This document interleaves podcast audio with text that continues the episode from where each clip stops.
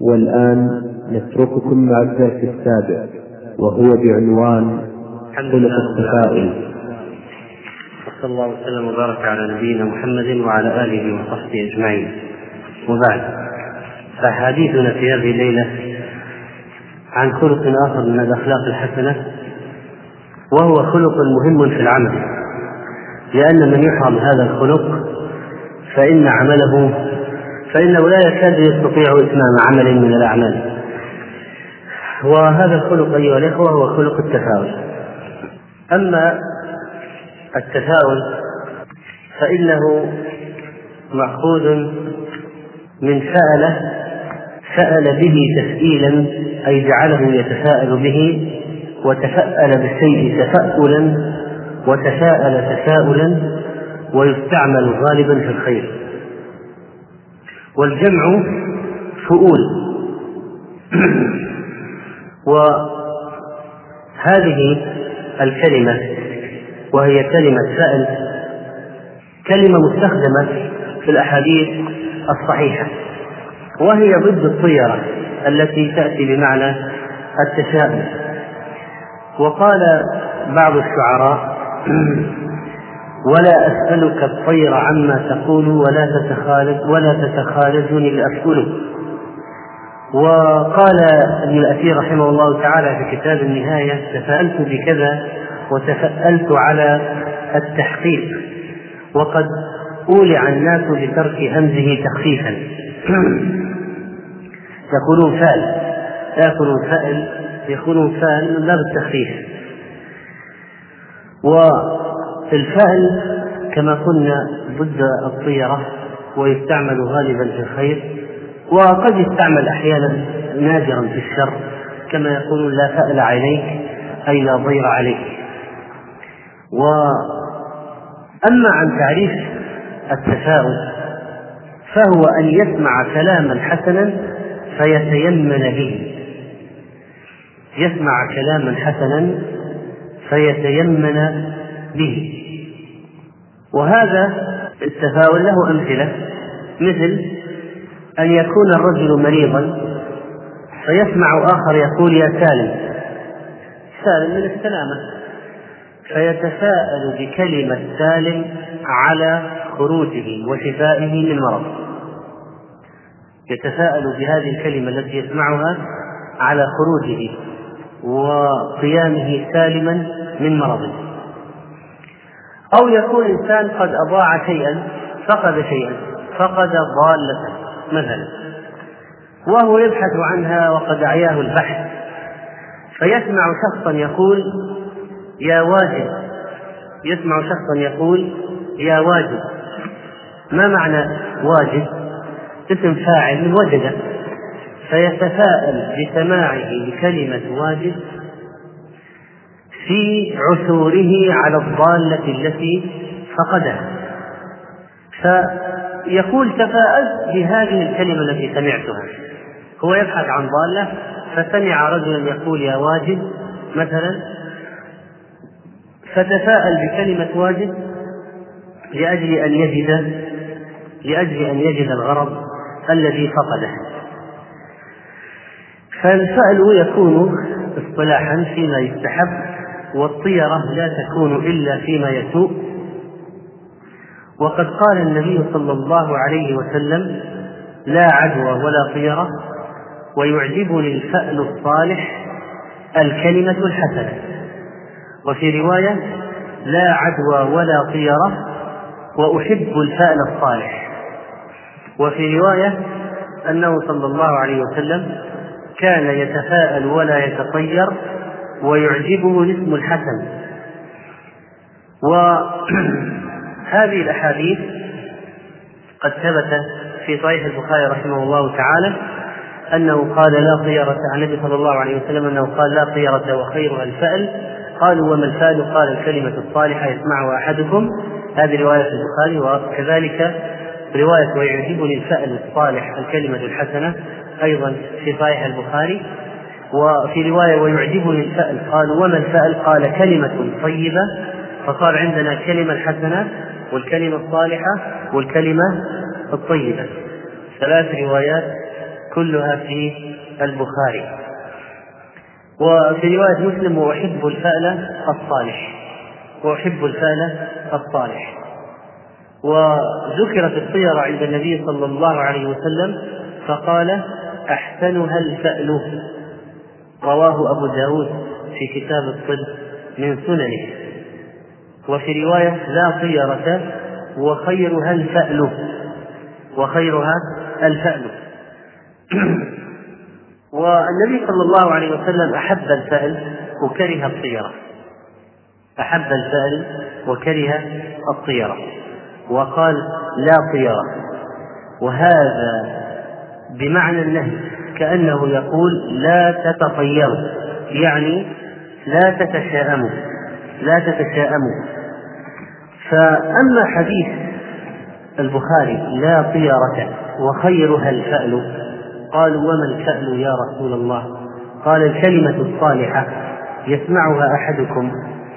فإن قوله في الحديث لا طيرة قلنا ينهى عن التطير. وخيرها الفأل. فلو أن إنسانا قال كيف يكون خيرها الفأل؟ يعني هل هي مراتب الخيرية الطيرة والفأل خيرها؟ فالباقي فيه خير؟ فالجواب لا. فإن هذا الفهم وإن كان يمكن أن يحصل في الذهن خيرها الفأل لا طيرة وخيرها الفأل. يمكن يحصل في الذهن أن الطيرة فيها خير لكن أجودها الفأل ولكن يدفع هذا الفهم الأحاديث الصحيحة التي فيها النهي عن التطير. فعندنا نصوص. ثم أيضا نعلم أن هذا من باب سبق أن ذكرناه من أبواب البلاغة.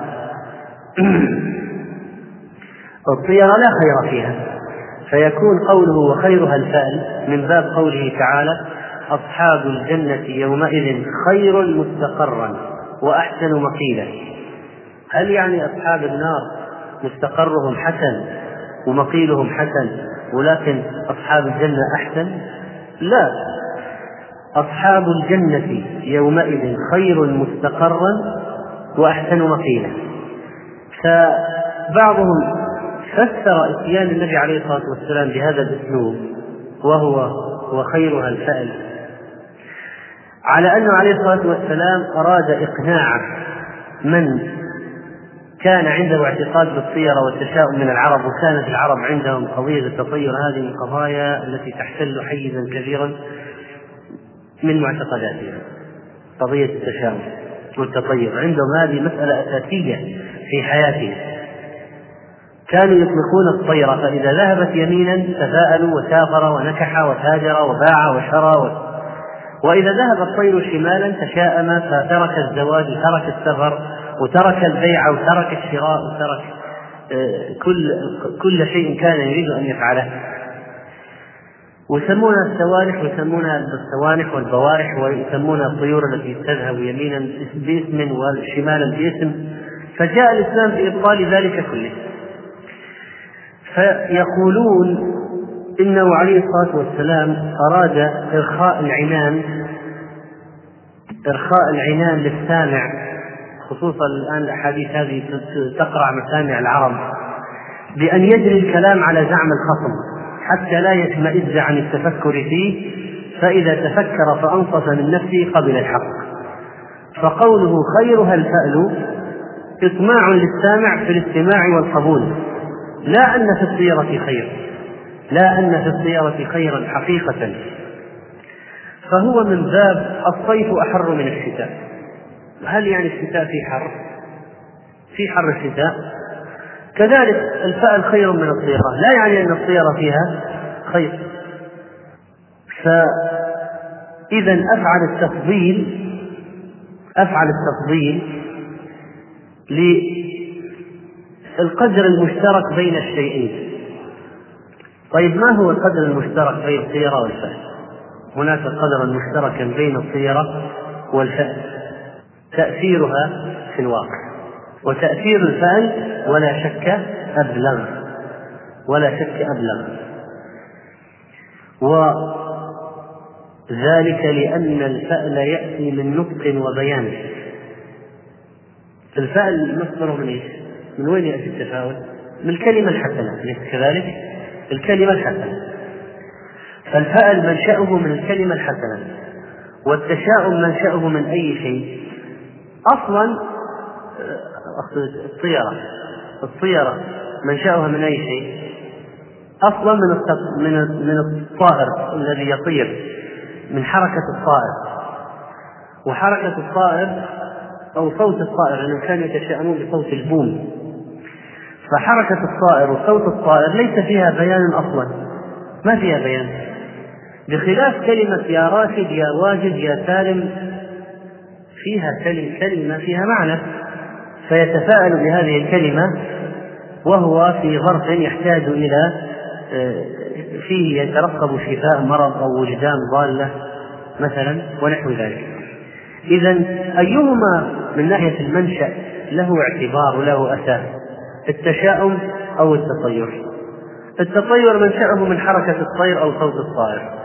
هل هذا حركة مستند التشاؤم مستند التطير حركة الطائر أو صوت الطائر؟ وهذا ليس فيه بيان أصلا ولا شيء مفهوم. في شيء مفهوم؟ ما في شيء مفهوم. وإنما هو تكلف عكس. واحد قال هذا إذا ذهب الطائر شمال معناها أنها لن تنجح. هذا تعسف ما علاقة بهذه شمالا بالقضية؟ إذا وحتى لو قال يعني إذا ذهب الطائر يمين يعني خير. طيب ما علاقة ذهاب يمين بحصول الخير؟ لا شيء.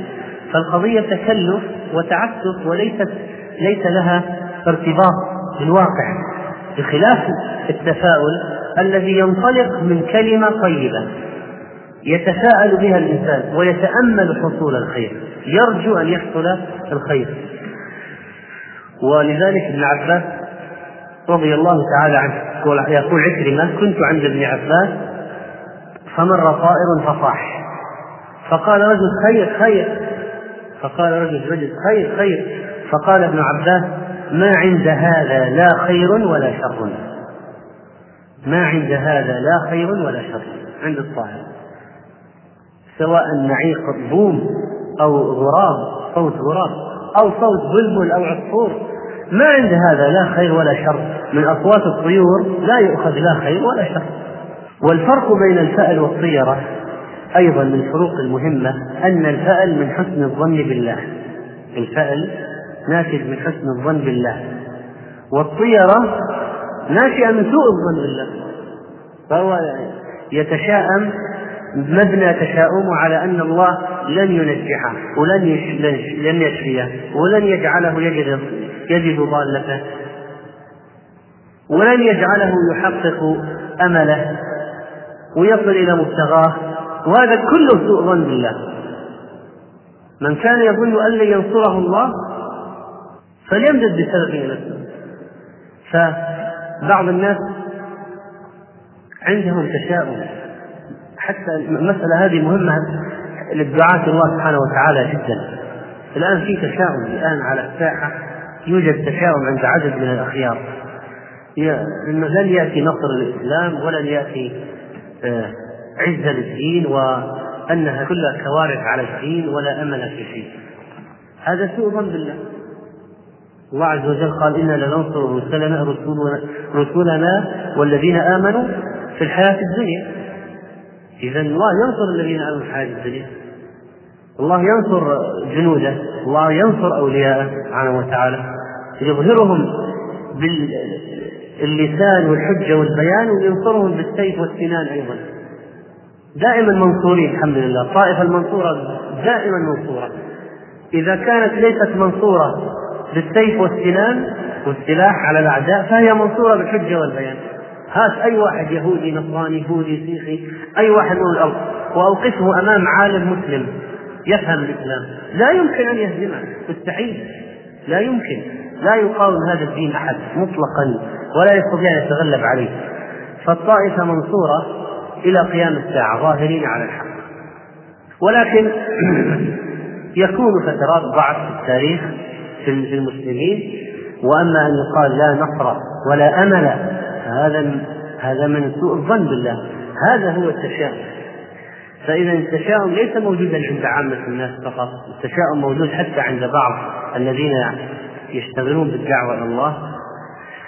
عندهم تشاؤم ويقول لك لا أمل لا أمل ولا يوجد بارقة أمل في نصر هذا من سوء ظنهم بربهم سبحانه وتعالى. ولأجل ذلك حرمت الطيرة. حرمت الطيرة لأسباب منها أن فيها سوء ظن بالله. الشرع خص الطيرة فيما يسر خص الطيرة فيما يسوء وخص الفأل فيما يسر. وقد جعل الله سبحانه وتعالى في فطر الناس. يعني هذا الآن تحليل نفسي لقضية التفاؤل جعل الله سبحانه وتعالى في فطر الناس محبة الكلمة الطيبة. والأنس بها. يعني أنت الآن إذا سمعت مثلا كلمة سليم أو سالم فإنها في نفسك أوقع أحسن وأجود أثرا من أن تسمع كلمة أخرى فيها مثلا مريض أو نحو ذلك من الكلمات. فإذا الكلمة الطيبة وهذا ينعكس على الأسماء طبعا بطبيعة الحال وسنأتي إلى بحث صغير في هذا الموضوع. الله سبحانه وتعالى جعل في فطر الناس محبة الكلمة الطيبة والأنس بها كما جعل فيهم الارتياح للمنظر الأنيق والماء الصافي. وإن كان الإنسان لا يملكه ولا يكرهه إذا رآه سر نفسه تسر الزلال العذب مثلا. شلال ماء ينزل من جبل على ساحة خضراء. النفس تنشرح لهذا وتسر كما أن النفس تنقبض من رؤية منظر سيء أو أرض موحلة جدباء يابسة متشققة تربتها سوداء. النفس النفس تسر من المنظر الحسن وتتألم يحصل فيها نوع من الألم من المنظر السيء. هذا شيء طبيعي. حتى الألوان يعني لها تأثير. وقبل ما يثبت النفسانيين علاقة الله أي يثبت النفسانيون علاقة الألوان بمشاعر الإنسان فإن الله تعالى قد قال قبلهم ادع لنا ربك يبين لنا ما لونها. قال إنه يقول إن بقرة صفراء فاقع لونها تسر الناظرين. فاللون الأصفر الفاقع مما يجلب السرور إلى النفس ولذلك العلماء مثلا تكلموا في أحكام عدة المرأة المتوفاة أنها ما تلبس الثياب الجميلة مثل الثياب الحمراء والصفراء ملابس الزينة فإذا النفس. النفس تسر من الكلمة الحسنة مثل ما تسر من المنظر الحسن وكما وترتاح لذلك وإن كانت لا تملك ذلك الشيء الحسن. وقد أخرج الترمذي رحمه الله وصححه من حديث أنس أن النبي صلى الله عليه وسلم كان إذا خرج لحاجته يعجبه أن يسمع يا نجيح يا راشد نجيح من النجاح وراشد من الرشد. الرشد إن الأمر رشد يعني إن الأمر طيب. فكان يعجبه صلى الله عليه وسلم إذا خرج من المدينة إلى مثلا سفر غزوة مثلا يسره أن يسمع يا نجيح يعني انه أنه يكون له يتفاءل أنه سيكون في خروجه النجاح. وكذلك إذا سمع يا راشد واحد ينادي الآخر يا راشد يسره ذلك عليه الصلاة والسلام ويتفاءل بأن الرشد سيكون معه في سفره. وكذلك أخرج أبو داود كما قال ابن حجر رحمه الله في الفتح بسند حسن عن بريدة أن النبي صلى الله عليه وسلم كان لا يتطير من شيء لا يتطير من شيء لا يتشائم. مهما كان المنظر الذي يراه سيئا أو اسم الذي يسمعه سيئا لا يتطير منه ولا يتشاءم منه. وكان إذا بعث عاملا يسأل عن اسمه فإذا أعجبه فرح به إذا كان اسم طيب فرح به. وإن كره اسمه رأى رؤي كراهية ذلك في وجهه. ورؤية الكراهية ليست تشاؤما طبعا ولكنه عليه الصلاة والسلام يظهر عليه يظهر عليه شعوره من جراء سماع الاسم الحسن أو الاسم السيء، لا يعجبه الاسم السيء، طبعا هذا كأنه يقول لا تسموا بأسماء سيئة، يرى في وجهه إنكار التسمي بهذا الاسم. ف جاءت هذه الأحاديث وفعل النبي صلى الله عليه وسلم لمحاربة عقيدة جاهلية كانت منتشرة عند العرب في القديم كان التطير من فعلهم يزعجون الطير إذا أرادوا الخروج للحاجة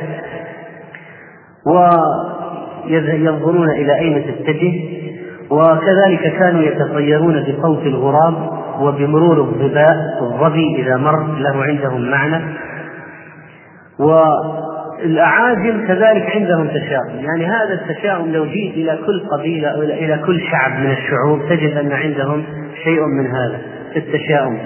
التشاؤم في العجم إذا رأى الصبي ذاهبا إلى المعلم سبحان الله على العاجم هؤلاء إذا رأى الصبي ذاهب إلى المعلم تشاءم وإذا رآه راجع من المعلم تفاءل وكذلك إذا رأى الجمل موقرا بالأحمال تشاءم فإذا رآه واضعا حمله تيمن وتفاءل.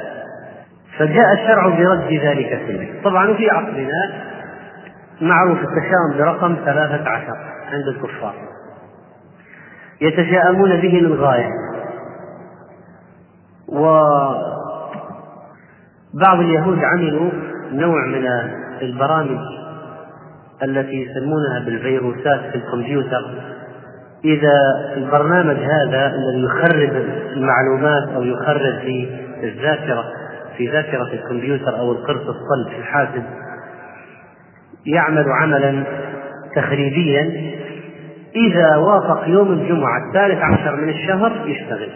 يهود شغل يهودي جمعة إذا وافق الثالث عشر من يوم جمعة الثالث عشر من أي شهر يعمل هذا الفيروس هذا يعمل عمله في يعني يبدأ بالتخريب. أو يعطي رسائل مثلا على الشاشة. فيتشاءمون من يوم الثالث عشر. واليهود إذا صار جمعة بعد هذا يعتبر قمة التشاؤم. ومن قلة عقول هؤلاء وحماقتهم أنه في بعض شركات الطيران ترقيم المقاعد هي 13 12 14 15 طيب 14 و 13 هو هو قلة عقل.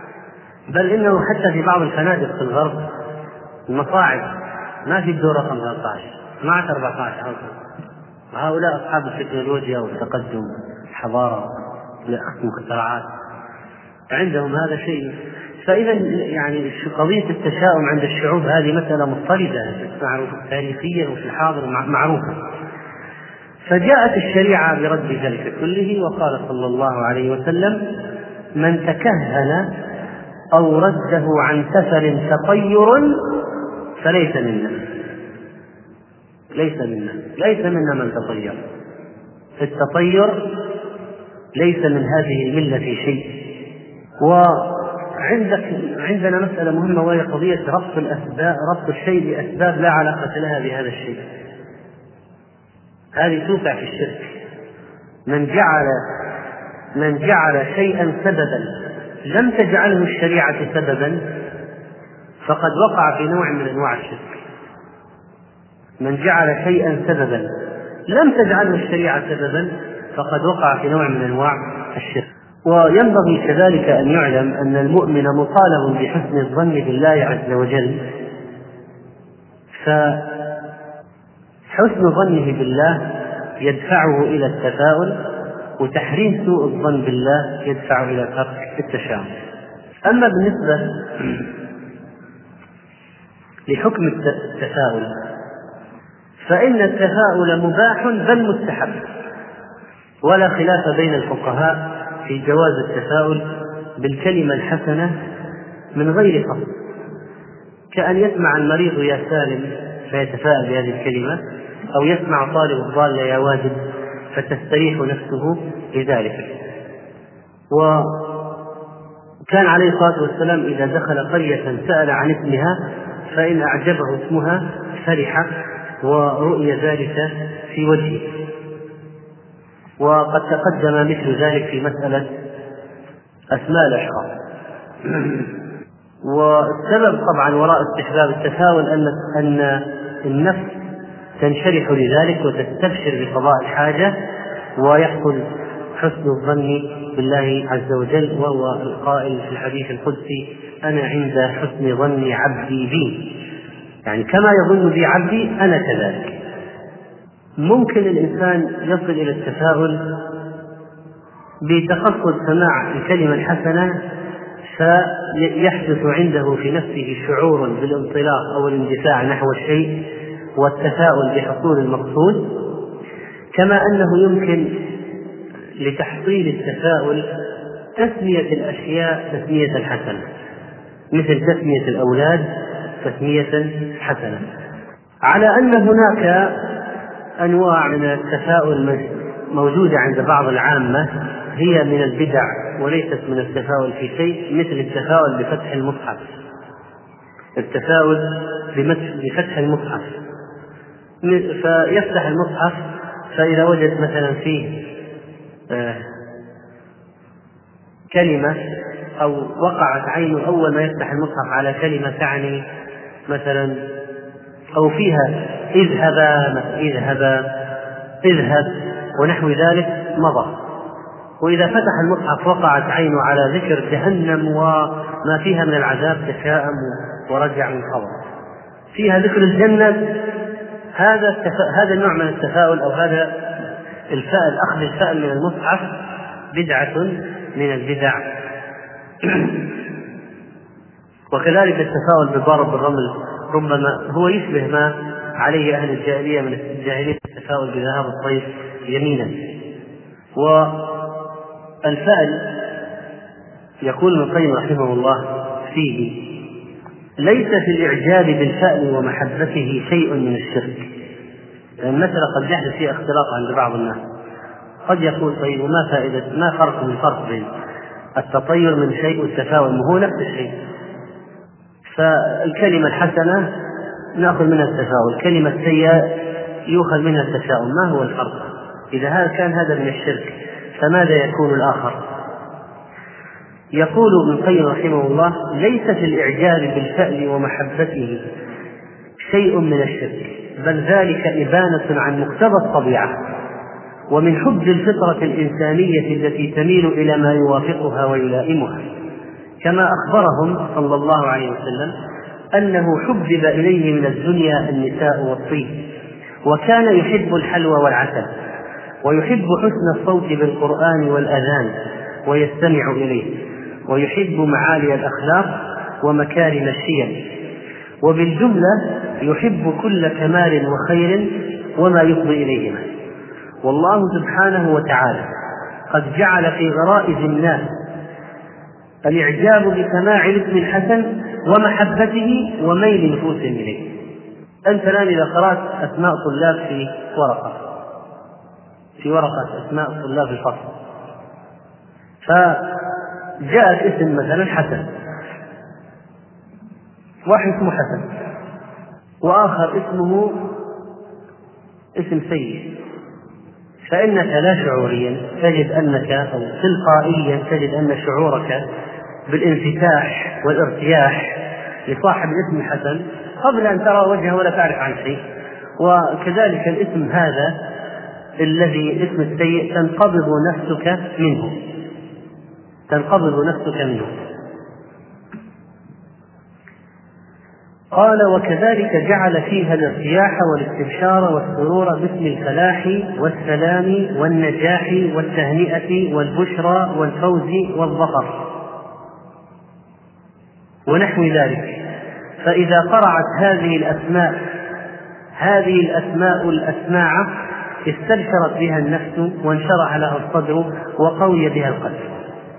إذا سمعت مثلا فالح فلاح سالم سليم ناجح نجيح فائز مظفر غافر غافر. هذه أسماء جميلة وجيدة فهي تفتح النفس كما يقولون.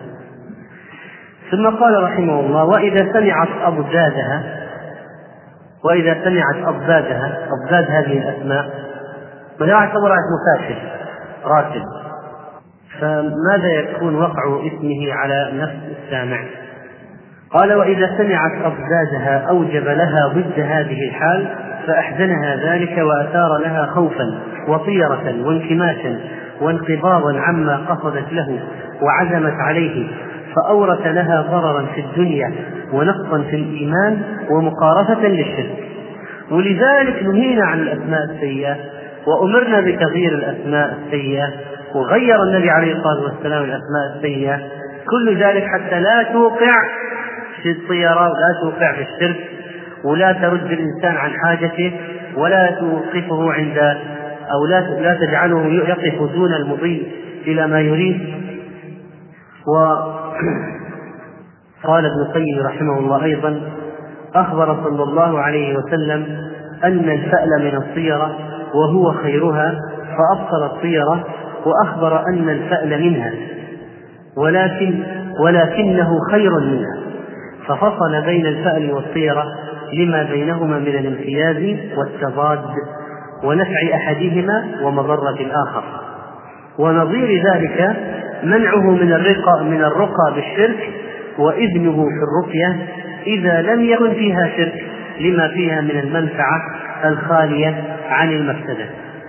والإنسان إذا أحس الإنسان إذا أحس بشيء من التشاؤم فعليه أن لا يلتفت إليه ويمضي لما يريد يمضي لما يريد ولا يستجيب لداعي الشيطان بالتوقف أو التراجع لسماع اسم سيء أو رؤية منظر سيء.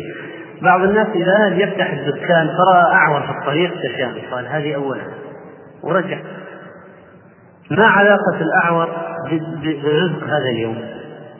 ما علاقته برزق هذا اليوم؟ ولكن بعض الناس فيهم طبيعة تشاؤمية وهذا علاقة القضية بالأخلاق موضوع الأخلاق. أن التفاؤل والتشاؤم خلق كلاهما خلق من الأخلاق. في ناس عندهم خلق التفاؤل التفاؤل في ناس عندهم خلق التشاؤم طاغي. في ناس عندهم خلق التفاؤل طاغي. حتى قالوا لو أريت إنسانا كوبا نصفه ملآن فقلت له ما الذي ترى؟ فقال هذا كوب نصفه ملآن.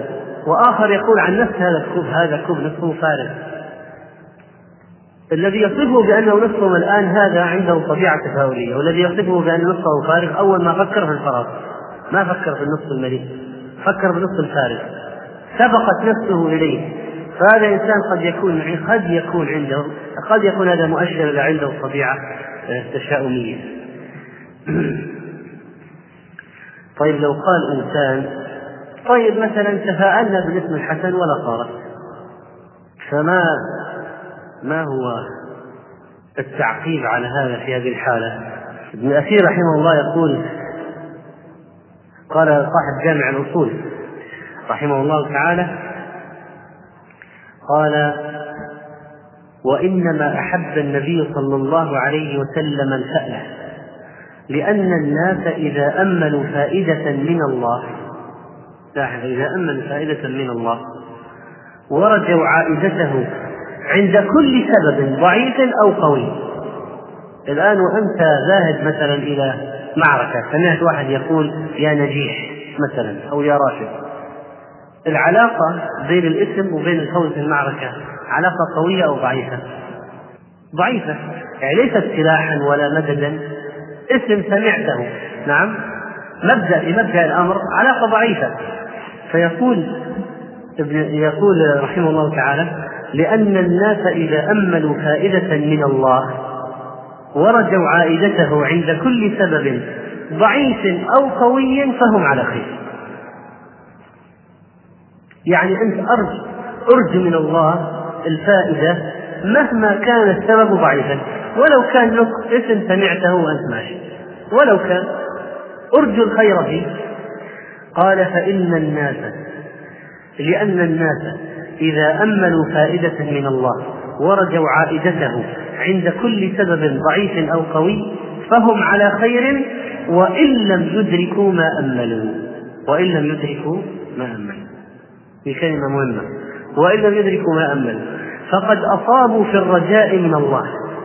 وطلب ما عنده وفي الرجاء لهم خير معجل ألا ترى أنهم إذا قطعوا أملهم ورجاءهم من الله كان ذلك من الشر؟ فإذا أنت أرجو الخير بهذه الكلمة التي تسمعها. تفاءل. إن نجح الحمد لله. وإن ما نجح فأنت يكفيك أنك رجوت الخير من الله. يكفيك أنك أعرفت عن حسن ظنك بالله. فإذا التفاؤل حسن ولو كانت العاقبة ليست مما ليست كما يرجى ولو كانت العاقبة ليست كما يرجى يكفيك أنك طبقت السنة وتفاءلت يكفيك أنك رجوت الله رجوت الخير من الله. هذا يكفي. قال فأما الطيرة فإن فيها سوء الظن وقطع الرجاء وتوقع البلاء وقنوط النفس من الخير وذلك مذموم بين العقلاء منهي عنه من جهة الشر. يعني هناك شيء يا إخوان أهم من النتيجة. هناك شيء أهم من النتيجة وهو المبدا المبدا والعقيده فإذا كان إنسان تفاءل بالخير يعني أنه يحسن الظن بربه. ولو ما جاءت كما يتمنى. وإذا كان تشاءم معناها أنه يسيء الظن بربه. قضية حسن الظن وسوء الظن هذه من قضايا التوحيد المهمة. المهمة قضايا التوحيد المهمة. فلو ما جاءت النتيجة كما ترجو يكفيك أن عقيدتك سليمة وأنك حسن الظن بربك. وهذا مكسب أهم من النتيجة. لماذا شجع الإسلام على التفاؤل ومنع من التشاؤم؟ لأن التشاؤم لأن التفاؤل يشحذ الهمم للعمل. التفاؤل يشحذ الهمم للعمل. ويغذي القلب بالطمأنينة والأمل. ولا شك أن هذا من أكبر عوامل النجاح. يعني أنت تفكر الآن في في حال عامل إنسان ذهب ليعمل شيئا أو ينجز مهمة ونفسه منشرحة. راج للخير. وعنده أمل بإنجازها. كيف حال همته وأنطلاقه؟ قوية أليس كذلك؟ هذه القوة الناتجة من التفاؤل ستكون أحد أكبر أسباب النجاح المهمة وإذا راح الواحد بنية تشاؤم بشعور متشائم وهو لا يرجو أن يفلح ولا يرجو أن ينجح ولا يرجو أن ينجز الأمر كيف تكون همته وهو منطلق فاترة ضعيفة. وهذا الفتور والضعف في الهمة سيكون من أكبر أسباب الفشل إذا التفاؤل خلق مهم أن يكون في النفس لأجل إنجاز العمل المطلوب. لاحظ الآن الشريعة الشريعة هذا من أسرار الشريعة التي يتبين فعلا الإنسان إذا تأمل فيها عظمة هذه الشريعة. وكيف أن هذه الشريعة تؤدي بمن يتبعها إلى النجاح؟ توفر أسباب النجاح. الشريعة توفر للمسلم أسباب النجاح. واحد طالب داخل نقاش مثلا امتحان شفوي مثلا أو مناقشة رسالة. مناقشة رسالة. وهو متفائل. متفائل. سمع كلمة أو سمع وحسن الظن بالله. ولو ما سمع شيء متفائل. كيف يدخل قاعة الامتحان أو يدخل إلى اللجنة التي ستناقشه. يدخل فيه همة وفي رجاء وفي أمل وفي آه، يغلب على ظنه النجاح وهمته قوية. وهذا سينعكس على طريقة نقاشه وإجابته وإقناعه لأعضاء اللجنة الاختبار وعلى تثمينهم لإجابته وتقويمهم لوضعه وحالته. لكن إذا الإنسان راح إلى قاعة الامتحان ويقول أكيد أنهم سيسألوني أسئلة ما أعرفها. أكيد أني سأفشل. أصلا واضح أن نشوف وجوههم وجوه أعضاء اللجنة شارحة مستقبلي أسود في في هذا النقاش. أنا إذا خرجت بصفر طيب ما أخرج بناقص. فإذا كان هو ذاهب بنفسية متشائمة إلى قاعة الاختبار يعني هذا لو يمكن يعرف الجواب الصحيح ينساه بسبب؟ بسبب تأثير نفسي فلا فليست قضية الاختبارات والامتحانات ليست مسألة معلومات فقط صح ولا لا؟ لأن الواحد في قاعة الاختبار يمكن يضيع معلومات هو هي عنده لأسباب أخرى المسألة إذا المسألة فيها عامل كبير في قضية من من عوامل النجاح وهو التفاؤل الأمل التفاؤل والأمل ولو أنك نظرت في غالب التجار الناجحين والناس الناجحين غالبهم عنده أمل وتفاؤل. من فضلك اقلب الشريط. غالبهم يعني من أسباب نجاحهم في التجارة كبار رجال الأعمال كبار الناس الناجحين في أعمالهم تجد أن عندهم أمل جانب الأمل في نفوسهم قوي. وحتى الدعاة الناجحين لو أخذنا دخلنا لمستوى الدعوة الدعاة الناجحين الذين تنفتح لهم القلوب يكتب الله لهم التأثير على الناس يسلمون مقاليدهم إليهم ويتبعونهم ويتأثرون بهم ويسمعون منهم ويلتزمون بما يقولون ويستمع إليهم العدد من الناس.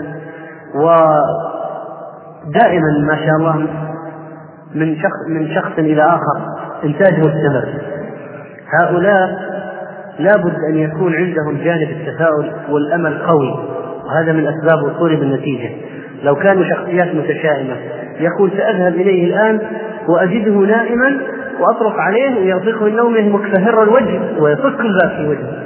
طيب تفاءل أنه سيكون الآن ضائق صدره ينتظر فقط من يأتي إليه يطرق الباب ويتحدث إليه. تفاءل أن الرجل الآن ينتظر من ينتشله ويأخذ بيده. فحتى في مجال الدعوة إلى الله عملية التفاؤل والتشاؤم هذه من أكبر أسباب النجاح والفشل. وكثيرا ما يكون التشاؤم مبعثه عدم الثقة بالله عز وجل. يعني عدم حسن الظن بالله تعالى. لا لم يحسن الظن بالله. يقول أنا الآن يعني هذا سيردني كما ردني الآخر. واضح أصلا هذا يسكن في نفس البيت الذي يسكن فيه الذي ردني من أول مرة. طيب وما علاقة هذا بها؟ نفس الغرفة. وربما تشاءم بالأرقام الفردية ولا بعض الأشياء التي تحصل يعني من عند بعض المشركين والجهل. فالإسلام ينفر من التشاؤم ويريد أن ينصرف المسلمون عنه لأنه عنصر نفسي سيء يبطئ الهمم عن العمل ويشتت القلب بالقلق ويميت فيه روح الأمل فيدب اليأس وتضعف الإرادة الإسلام ينفر من التشاؤم ويريد أن ينصرف المسلمون عنه لأنه عنصر نفسي سيء يبطئ الهمم عن العمل ويشتت القلب بالقلق ويميت فيه روح الأمل فيدب اليأس وتضعف الإرادة إن التفاؤل من أسباب إشراق الوجه ولا تجد يعني واحد يبتسم وفي دائما البشر والابتسامة وهو متشائم. دائما البشر والابتسامة هذا الإنسان يكون عنده تفاؤل. وتجد الشخص الشخص المتشائم مكفهر الوجه عابد ما تلقى عنده ابتسامة ولا ولا بشر في المح في المحيا ولا نضارة. بسبب تشاؤمه. وتجد الواحد إذا غاب عن أولاده في سفر اثنان كل واحد يغيب عن أولاده. واحد يقول إن شاء الله أن أولادي بخير وأنا أرجو من الله أنهم بخير وأن الله لن يضيعني وأنني قد قلت في الدعاء استودع أنني استودعتهم ربي وأن الله لا يضيع من استودعه. إذا استودع شيئا حفظه سبحانه وتعالى. وتجد الآخر يقول يا ترى من الذي كسرت يده؟ يا ترى ما حاله أكيد واحد الآن منهم مريض وطايح يا ترى واحد الآن أكيد إنه فيه مشكلة يعاني. وهكذا دائما مع أنه كلاهما لا يدري عن أهله ولا عن أولاده. لكن واحد متشائم فهو يعيش عيشة ضنكة. كلما غاب عن شيء أو دخل الشيطان لعب به. وأنه أكيد الآن صار له مصيبة صار له مشكلة صار له والآخر يقول إنه إن شاء الله أنه في طيب خير في حالة طيبة وأن الله سبحانه وتعالى يحفظهم. فحسب الإنسان من التفاؤل أن يعيش سعيدا بالأمل. والأمل لا شك جزء من السعادة. أما التشاؤم فيكفيه ذما وقبحا أنه يشقي صاحبه ويقلقه ويعذبه. قبل أن يأتي المكروه فيعجل لصاحبه الألم. والتفاؤل لا شك رجاء. رجاء فيه رجاء من الله سبحانه وتعالى. الفأل الفأل والطيرة قد صارت عند الناس في أشياء كما سبق أن قلنا. لا علاقة لها بالشيء لكن بعضها مأخوذة من الجاهلية ومن بعض المعتقدات أو الخرافات الموجودة عند الناس. آه، فتجد أن بعضهم يتشاءمون كما حاله الجاهلية بالأيام والأشهر مثل شهر صفر وشوال يتشاءمون به. ولذلك عائشة رضي الله عنها كانت تدخل نساءها في شوال. مضادة لأهل الجاهلية ويستحب النكاح في شوال مضادة لأهل الجاهلية. وبعض المجلات الآن التي فيها عالم الفلك أو النجوم أو الأبراج والحظ مكتوب فيها أيام السعد كذا وكذا وكذا حسب البرج أي برج مثلا ولد في برج الجوزاء في برج الجدي برج التيس برج الثور يكتب يعني آه، البرج أيام السعد كذا وكذا وكذا أيام النحس كذا وكذا وكذا. قال يعني حتى إذا كان حتى لا تعمل تعمل الأعمال التي تريدها مثلا في أيام السعد في الثلاثة أيام النحس والذي كتبها هو النحل لأن هذا دجال وكذاب أشر. أفاك وترى الأيام أيام الساعة تختلف في برج الجوزاء عن برج العقرب برج كذا عن برج كذا. وما يكون من أيام السعد في هذا البرج يكون من أيام النحس في ذاك البرج. فتجد أن المسألة ضالعة منتشرة داخلة حتى المجلات التي تدخل البيوت يقرأها الناس. بعض الناس مثلا يتشاءمون بالقط الأسود والقرد والبوم وبعض الناس يتشاءمون بالأشخاص الذين عندهم عيوب كالأعور والأحجب والقبيح والأسود والمجذوم.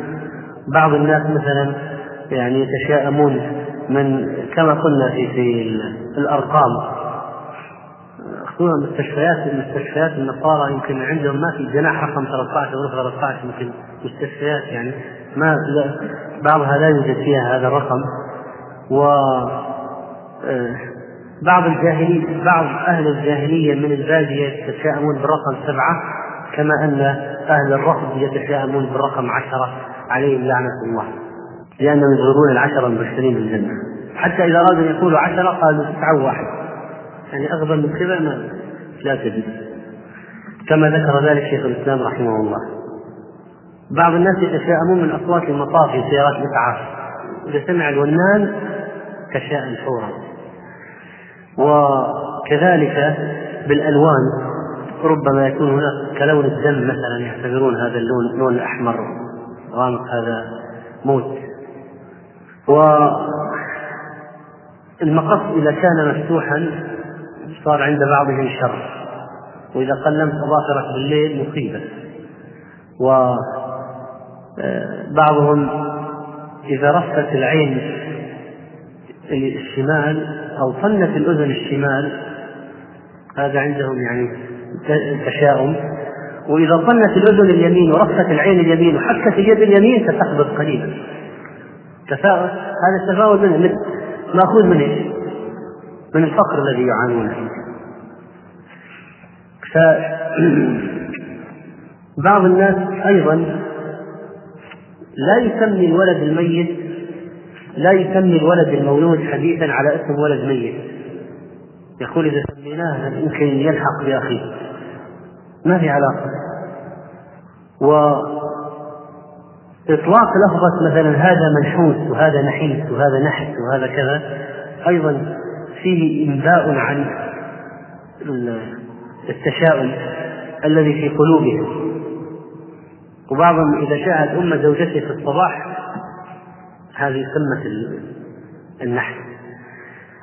فعلى أي حال هذا الموضوع الموضوع يكثر كثيرا في الناس أنهم آه، يفعلونه ويعتقدون به ولكن المسلم يعرف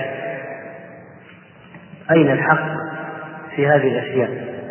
وحدثت قصص حتى في القديم كما كما جاء في بعض كتب الأدب. هنا إشارة قبل أن نذكر بعض القصص أن قدر الله تعالى قد يوافق كلمة. قدر الله عز وجل قد يوافق كلمة حسنة أو كلمة كلمة سوء. يعني قد يتساءل الإنسان بالخير فيجده فيكون وافق قدر الله تعالى هذه الكلمة. وقد يتشاءم ويجد ما تشاءم به فعلا. فيكون قدر الله عز وجل قد وافق هذه الكلمة. والبلاء موكل بالنطق. الإنسان أحيانا يتكلم بالكلمة على نفسه فتكون كذلك. فيوافق قدر الله هذه الكلمة. وكان بعض العرب مشهورين جدا بالتشاؤم حتى يقرؤون الوجوه. يقول أنت وجهك يقرأ فيه كذا كذا وكذا وقد يخبرونه يعني توقع وقدر الله يوافق هذا التوقع. فطبعا لا يمكن يكونوا يعلمون الغيب ولا شيء لكنه هكذا سوء ظني بربه وهكذا قسم الله له. وهكذا هذا حسن ظني بربه أعطاه الله على ظنه بربه. يعني أحيانا يأتي القدر موافقا لإيش؟ لحسن الظن وسوء الظن. هذا حسن ظني بربك الحمد لله سبق الكلام قلنا بأن بعض الناس قد يتشاءمون على أنفسهم في أشياء فيجدونها في الواقع هكذا. فيكون هذا من عقوبة التشاؤم. ذكر ابن قتيبة رحمه الله تعالى في عيون الأخبار قال خرج كثير عزة إلى مصر يريد عزة فلقيه أعرابي من الناس فقال يا أبا صخر أين تريد؟ قال أريد عزة بمصر. قال فهل رأيت في وجهك شيئا؟ قال لا. إلا أني رأيت غرابا ساقطا فوق بانة يلتف ريشا الآن قال هذا أخبره عن المشهد وذاك تشاءم له به. فقال قال رأيت غرابا ساقطا فوق بانة ينتف ريشه. فقالت هو في مصر وقد ماتت عزة. فانتهره كثير ثم مضى طواف مصر والناس ينصرفون عن جنازة عزة. فقال فما أعيت النهدي لا در دره وأزجره للطير لا عز ناصره. رأيت غرابا ساقطا فوق بانة ينتف أعلى ريشه ويطايره. فأما غراب فاغتراب ووحشة وبان فبين بين حبيب تعاشر فتشاءم بهذا وتشاءم تشاءم له ذلك الرجل بهذا وكان كما آه كما قال. قال وهوي بعد عزة امرأة من قومه يقال لها أم الحويرث فخطبها فأبت وقالت لا مال لك ولكن اخرج فاطلب فإني حابسة النفس عليك.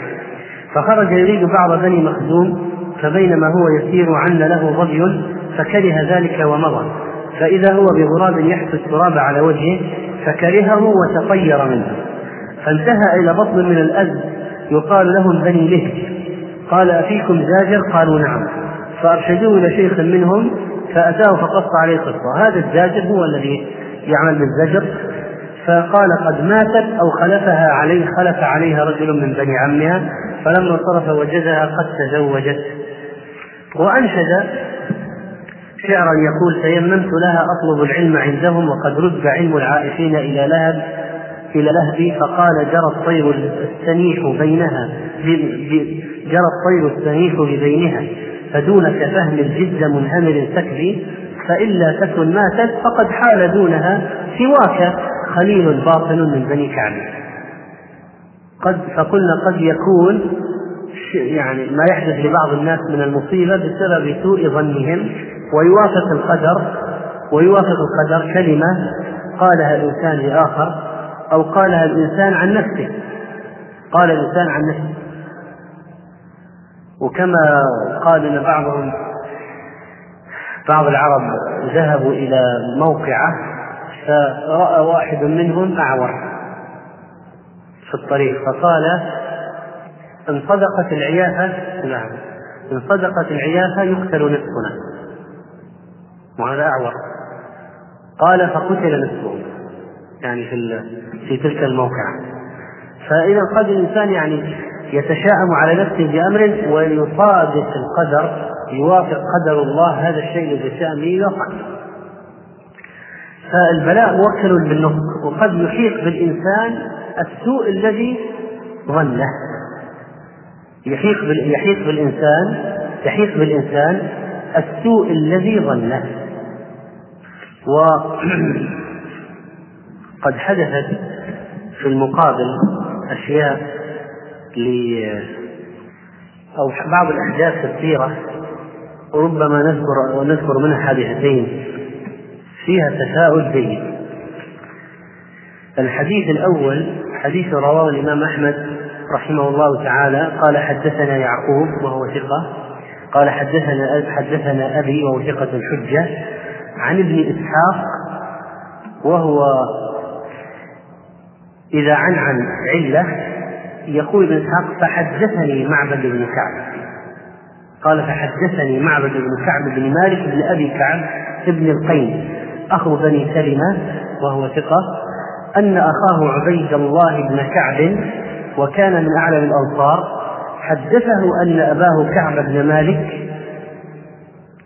وكعب مالك الصحابي المعروف وكان كعب من مشاهد العقبة. وبايع رسول الله صلى الله عليه وسلم بها. قصة طويلة نسردها الفائدة وفي آخرها التفاؤل هذا قال خرجنا في حجاج قومنا من المشركين. طبعا الأنصار تأثر تأثر بعضهم تأثر بعض أهل المدينة بمعصعب بن عمير الدعاة الأوائل الذين اوفدهم النبي صلى الله عليه وسلم المدينة. وجاء بعضهم مسلمين سرا متخفين مع قومهم المشركين إلى مكة. مسلمون منتسون مع قومهم المشركين من المدينة من يثرب إلى مكة يقول كعب بن مالك خرجنا في حجاج قومنا من اليمين وقد صلينا وفقهنا. ومعنا البراء بن معرور كبيرنا وسيدنا. فلما توجهنا لسفرنا وخرجنا من المدينة قال البراء لنا يا هؤلاء إني قد رأيت والله رأيا وإني والله ما أدري توافقوني عليه أم لا. قلنا له وما ذاك؟ قال قد رأيت أن لا أدع هذه البنية مني بظهر يعني الكعبة وأن أصلي إليها.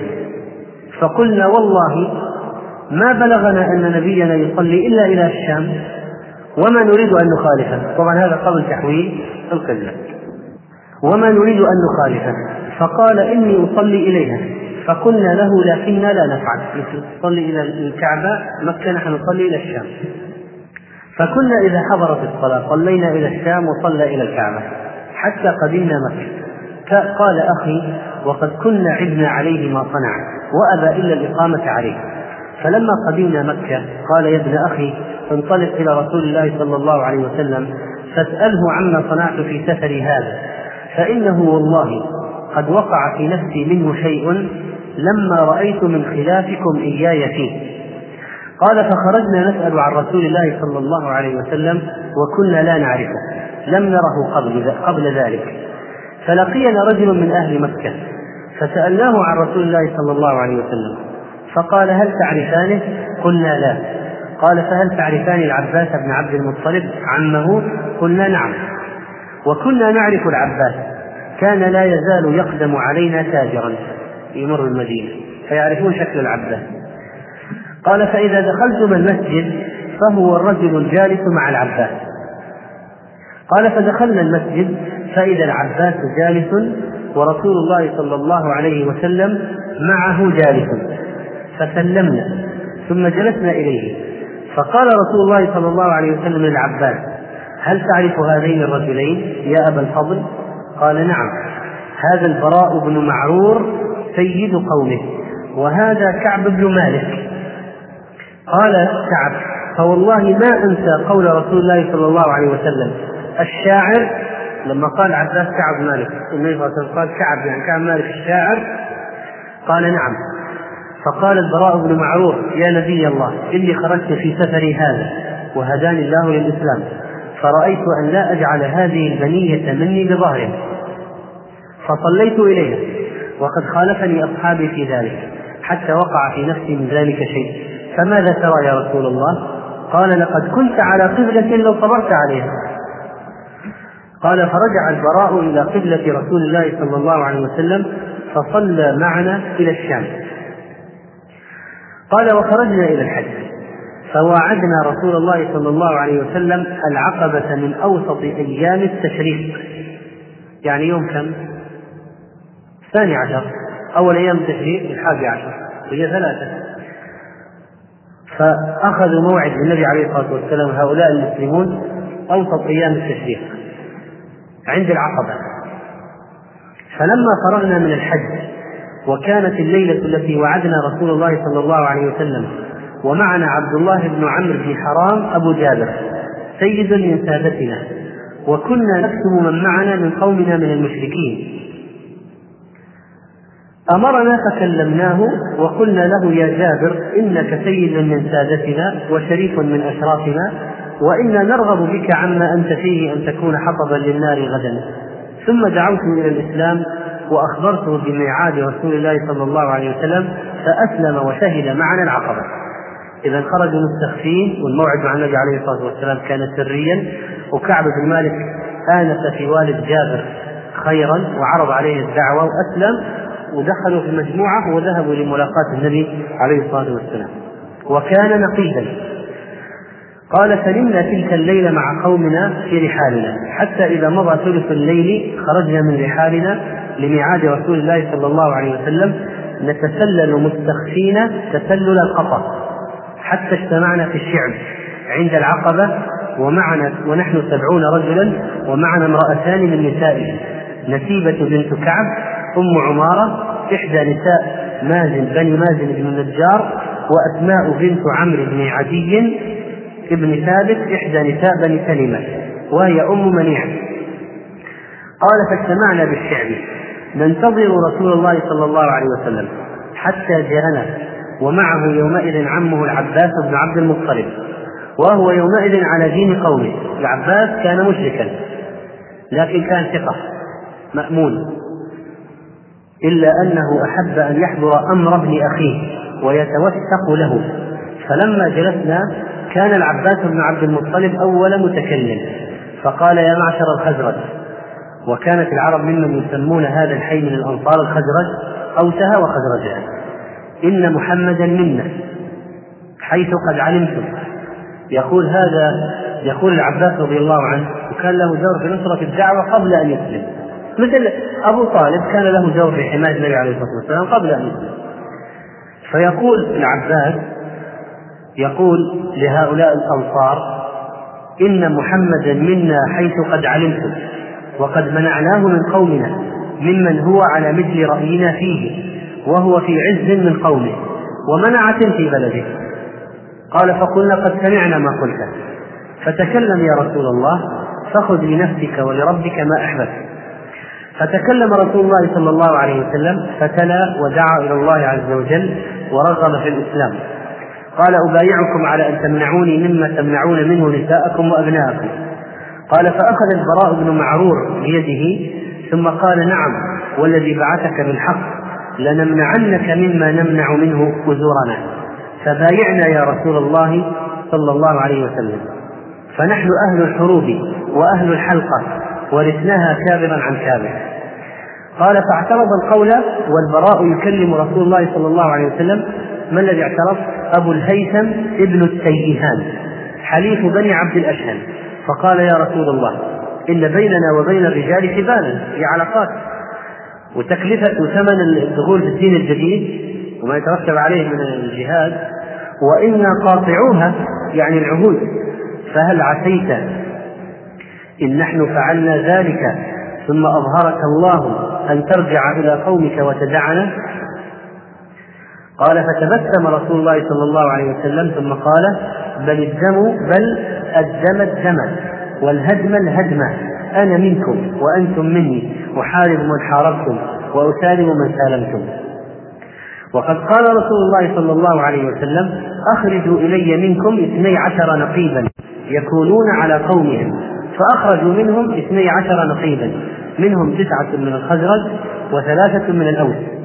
وأما معبد الآن يعود بن إسحاق يقول وأما معبد بن كعب فحدثني في حديثه عن أخيه عن أبيه كعب بن مالك قال كان أول من ضرب على يد رسول الله صلى الله عليه وسلم البراء بن معروف. ثم تتابع القوم. فلما بايعنا رسول الله صلى الله عليه وسلم صرخ الشيطان من رأس العقبة بأبعد صوت سمعته قط. يا أهل الجباجب هل لكم في مزمم والصبات معه؟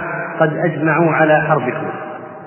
اشترك الشيطان علانية في القضية وصرخ الشيطان يا أهل الجباجب والجباجب يعني المنازل ينبه كفار قريش. هل لكم في مذمم هذا الشيطان لعنه الله. مذمم عكس محمد. فهو فهي سبة والصبات معه قد أجمعوا على حربكم. قال علي يعني ابن إسحاق ما يقوله عدو الله ما يقوله عدو الله محمد؟ فقال رسول الله صلى الله عليه وسلم هذا أزب العقبة هذا ابن هذا ابن أزيد. اسمع أي عدو الله. أنا والله لأفرن لك. ثم قال رسول الله صلى الله عليه وسلم ارفعوا إلى رحالكم. فقال له العباس بن عبادة بن نضلة ابن نضلة والذي بعثك بالحق لئن شئت لنميلن على أهل منى غدا بأسيافنا. أنت أعطنا أمرك ونحن مستعدين جاهزين. قال فقال رسول الله صلى الله عليه وسلم لم أمر بذلك. ما أمرنا برفع السلاح بعد. فرجعنا. فنمنا حتى أصبحنا. فلما أصبحنا غدت علينا جلة قريش حتى جاءونا في منازلنا. فقالوا يا معشر الخزرج. هذا الصباح اليوم الثالث. إنه قد بلغنا أنكم قد جئتم إلى صاحبنا. هذا تستخرجونه من بين أظهرنا وتبايعونه على حربنا. والله إنه ما من العرب أحد أبغض إلينا أن تنشب الحرب بيننا وبينه منكم. الآن كفار قريش خاطبوا من؟ الخزرج. الخزرج هؤلاء ما حالهم في الإيمان والكفر؟ مختلطين. كثرة من المشركين وبينهم هؤلاء أصحاب العقبة. قريش قالوا بلغنا أنكم أنكم عاقدتم محمد صلى الله عليه وسلم. يقول كعب فانبعث من هنالك من مشركي قومنا يحلفون لهم بالله ما كان من هذا شيء وما علمنا. وقد صدقوا صدقوا. ما كان هؤلاء المشركون ما شهدوها ولا خرجوا للقاء النبي عليه الصلاة والسلام. لم يعلموا ما كان منا. قال فبعضنا ينظر إلى بعض. وقام القوم وفيهم الحارث بن هشام بن المغيرة المخزومي من كفار قريش. وعليه نعلان جديدان. قال فقلت كلمة كأني أريد أن أشرك القوم بها. فيما قال ما تستطيع يا أبا جابر وأنت سيد من سادتنا أن تتخذ نعلين مثل نعلي هذا الفتى من قريش؟ فسمعها الحارث القرشي سمع الكلمة. فخلعهما خلع النعلين ثم رمى بهما إلي. فقال والله لتنفعلنهما. قال يقول أبو جابر أحفظت والله الفتى. أحفظته يعني استفزيت استفززته. فاردد عليه نعليه قال فقلت والله لا أردهما قال والله صلح والله لئن صدق الفأل لأسلبنه لأسلبنه. سلب سلب هذا سيكون لي. فهذا حديث كعب بن مالك عن العقبة وما حضر منها. انتهت الرواية في مسند الإمام أحمد رحمه الله. فتفاءل بأخذ النعال سلب هذا المشرك. وحصلت قصة وفي قصة أخرى عند أحمد رحمه الله أيضا تفاؤل بكلمة سمعت من المشركين لكن القصة في إسنادها ضعف. حدثنا يعقوب ثقة حدثنا أبي وهو ثقة حجة عن عبد الله بن جعفر ليس به بأس عن عبد الواحد بن أبي عون صدوق يخطئ عن جدته مجهولة. عن ابن أبي حدرد الأسلمي وهو صحابي أنه ذكر أنه تزوج امرأة. فأتى رسول الله صلى الله عليه وسلم يستعينه في صداقها فقال كم أصدقت؟ الآن هذا ما دفع مهر أو قرر مهرا جاء يستعين على المهر كم أعطيته؟ كم المهر اتفقت على كم؟ قال قلت مئتي درهم كثير مئتي درهم قال يعني النبي صلى الله عليه وسلم لو كنتم تغرفون الدراهم من واديكم هذا ما زدتم ما عندي ما أعطيكم وهذا فيه ترغيب في تقليل المهر يقول كان عندكم وادي تغرفون منه. تضع مهر بهذا الحجم بهذه الكمية. قال فمكثت ثم دعاني رسول الله صلى الله عليه وسلم فبعثني في سرية بعثها نحو نجد. فقال اخرج في هذه السرية لعلك أن تصيب شيئا فأنفلكه. فتنفك الأزمة من أول ما في مشكلة في المهور يعني الجهاد يحل المشاكل قال فخرجنا حتى جئنا الحاضر ممسين. فلما ذهبت فحمة العشاء بعثنا أميرنا رجلين رجلين. أمير الغزوة هذه بعثنا رجلين رجلين. فأحطنا بالعسكر بالمشركين. وقال إذا كبرت وحملت فكبروا واحملوا. هجوم. وقال حين بعثنا رجلين لا تفترقا ولأسألن واحدا منكما عن خبر صاحبه. هل افترق عنه ولا لا؟ فلا أجده عنده ولا تمعنوا في الطلب. يعني لا تبتعد لا تصادق مشرك وتبتعد تكونوا قريبين من بعض. تكونوا قريب فلما أردنا أن نحمل سمعت رجلا من الحاضر صرخ يا خضرة يا خضرة. هذا طبعا اسم جنس اسم امرأة. الآن ماذا سمع الصحابي؟ يا خضرة. قال فتفاءلت بأن سنصيب منهم خضرة. فتفاءلت هذا الشاهد فتفاءلت بأن سنصيب منهم خضرة. قال فلما اعتمنا كبر أميرنا وحمله وكبرنا وحملنا. فمر بي رجل في يده السيف فاتبعته. الآن هذا رجل المشركين مر بيده سيف فاتبعه ابن أبي حدرة فقال لي صاحبي وهو تلميذي إن أميرنا قد عهد إلينا أن لا نمعن في الصلاة. فارجع فلما رأيت إلا أن أتبعه أصمم قال والله لترجعن أو لأرجعن إليه يعني إلى الأمير ولأخبرنه أنك أبيت. فقلت والله لأتبعنه. قال فاتبعته.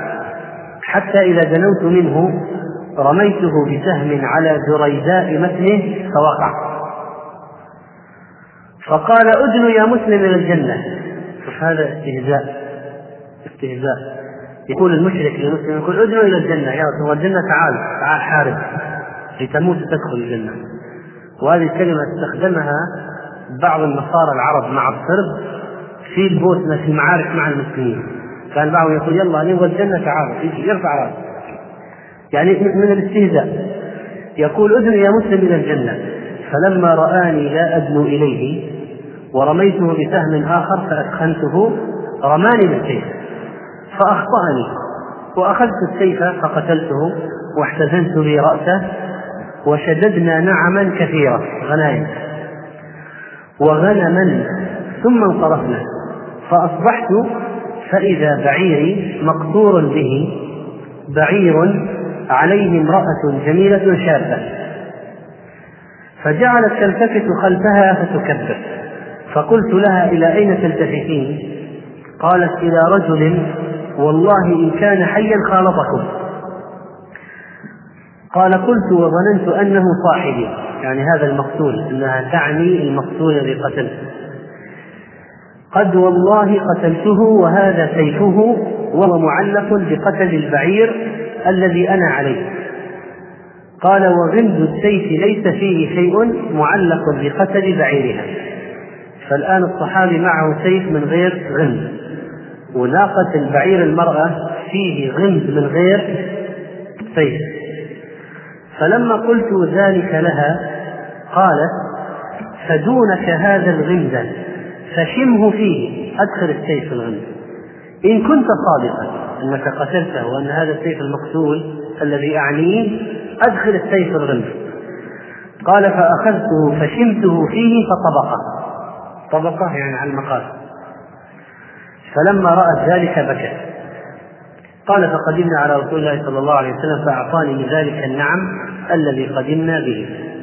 فالشاهد أنه تفاءل لما سمع يا خضرة تفاءل أنهم سيغنمون منهم خضرة فإذا نرجع مرة أخرى التفاؤل بكلمة يسمعها الإنسان. وأن النبي عليه الصلاة والسلام بأي شيء أكثر ما كان يتفاءل بأي شيء بالأسماء الحسنة. ولذلك جاءت الشريعة بتحسين الأسماء. لأن الاسم أيها الإخوة يكون مع الإنسان من ولد من ولادته إلى وفاته. ويكتب في الشهادة والحقيقة والبطاقة والرخصة وجميع الوثائق. فإذا كان الاسم حسنا الاسم هذا كل أب عليه مسؤولية تسمية ولده والمسؤولية كبيرة. لماذا؟ لأن هذا الاسم سيرافق المولود من منذ تسميته إلى وفاته. خلاص طبعا هذا سيكون سمة على المولود. فإذا أساء الأب تسمية الاسم يكون قد ارتكب جرما بحق ولده وهذا الجرم سيكون ملصقا بالولد إلى أن يموت وبعد أن يموت إلى زال يقال فلان. ولذلك فإن في الأسماء فإن الأسماء سمة كل اسم سمة على المسمى وكلما أبصرت عيناك ذا لقب إلا ومعناه إن فكرت في لقبه. فالاسم أول ما يواجه المولود إذا خرج إلى ظلم إلى إذا خرج من ظلمات الرحم. والاسم أول شيء يميزه عن الآخرين. والاسم أول وسيلة يدخل بها المولود في ديوان الأمة. فلذلك ينبغي أن يحسنه الأب. ولكل مسمى من اسمه نصيب. لكل مسمى من اسمه نصيب.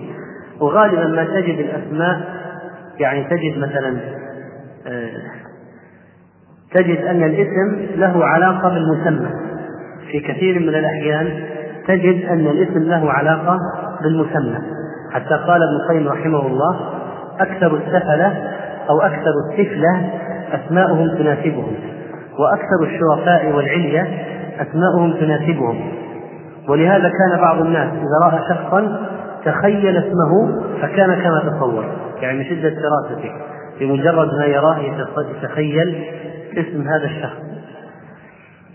فإذا الأسماء لها تأثير في المسميات في الحسن والقبح والخفة والثقل واللطافة والكثافة والاسم أيضا إذا كان حسنا فإن ذلك معين على التفاؤل به. فإذا سماه اسم حسن صار مدعاة لتفاؤل من حوله ممن يحيط به وهو أيضا يتفاءل ولكن إذا كان الاسم سيئا كان ذلك مدعاة للتشاؤم بهذا الشخص حتى يكرهه الناس. لا من أسباب كره بعض الناس للأشخاص الاسم اسم يكرهون اسمه. فيتأدي ذلك إلى كراهته هو. يؤدي ذلك إلى كراهته هو.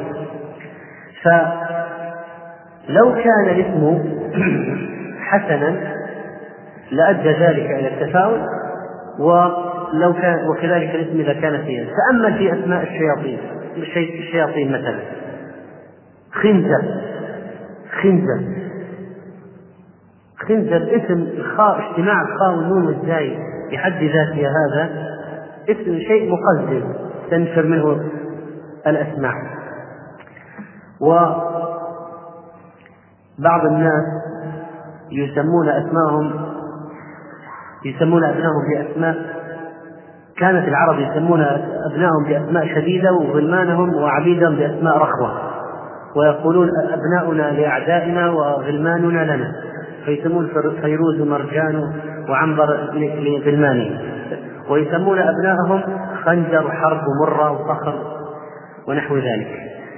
فالإسلام جاء جاء بالأسماء الحسنة يعني عبد الله وعبد الرحمن وسمى النبي صلى الله عليه وسلم يوسف وغير النبي عليه الصلاة والسلام أربع عفراء اسمها عفراء إلى خضرة. وكان من هديه تغيير الاسم القبيح إلى الاسم الحسن. ما علاقة ذلك بالقضية؟ مسألة التشاؤم والتفاؤل.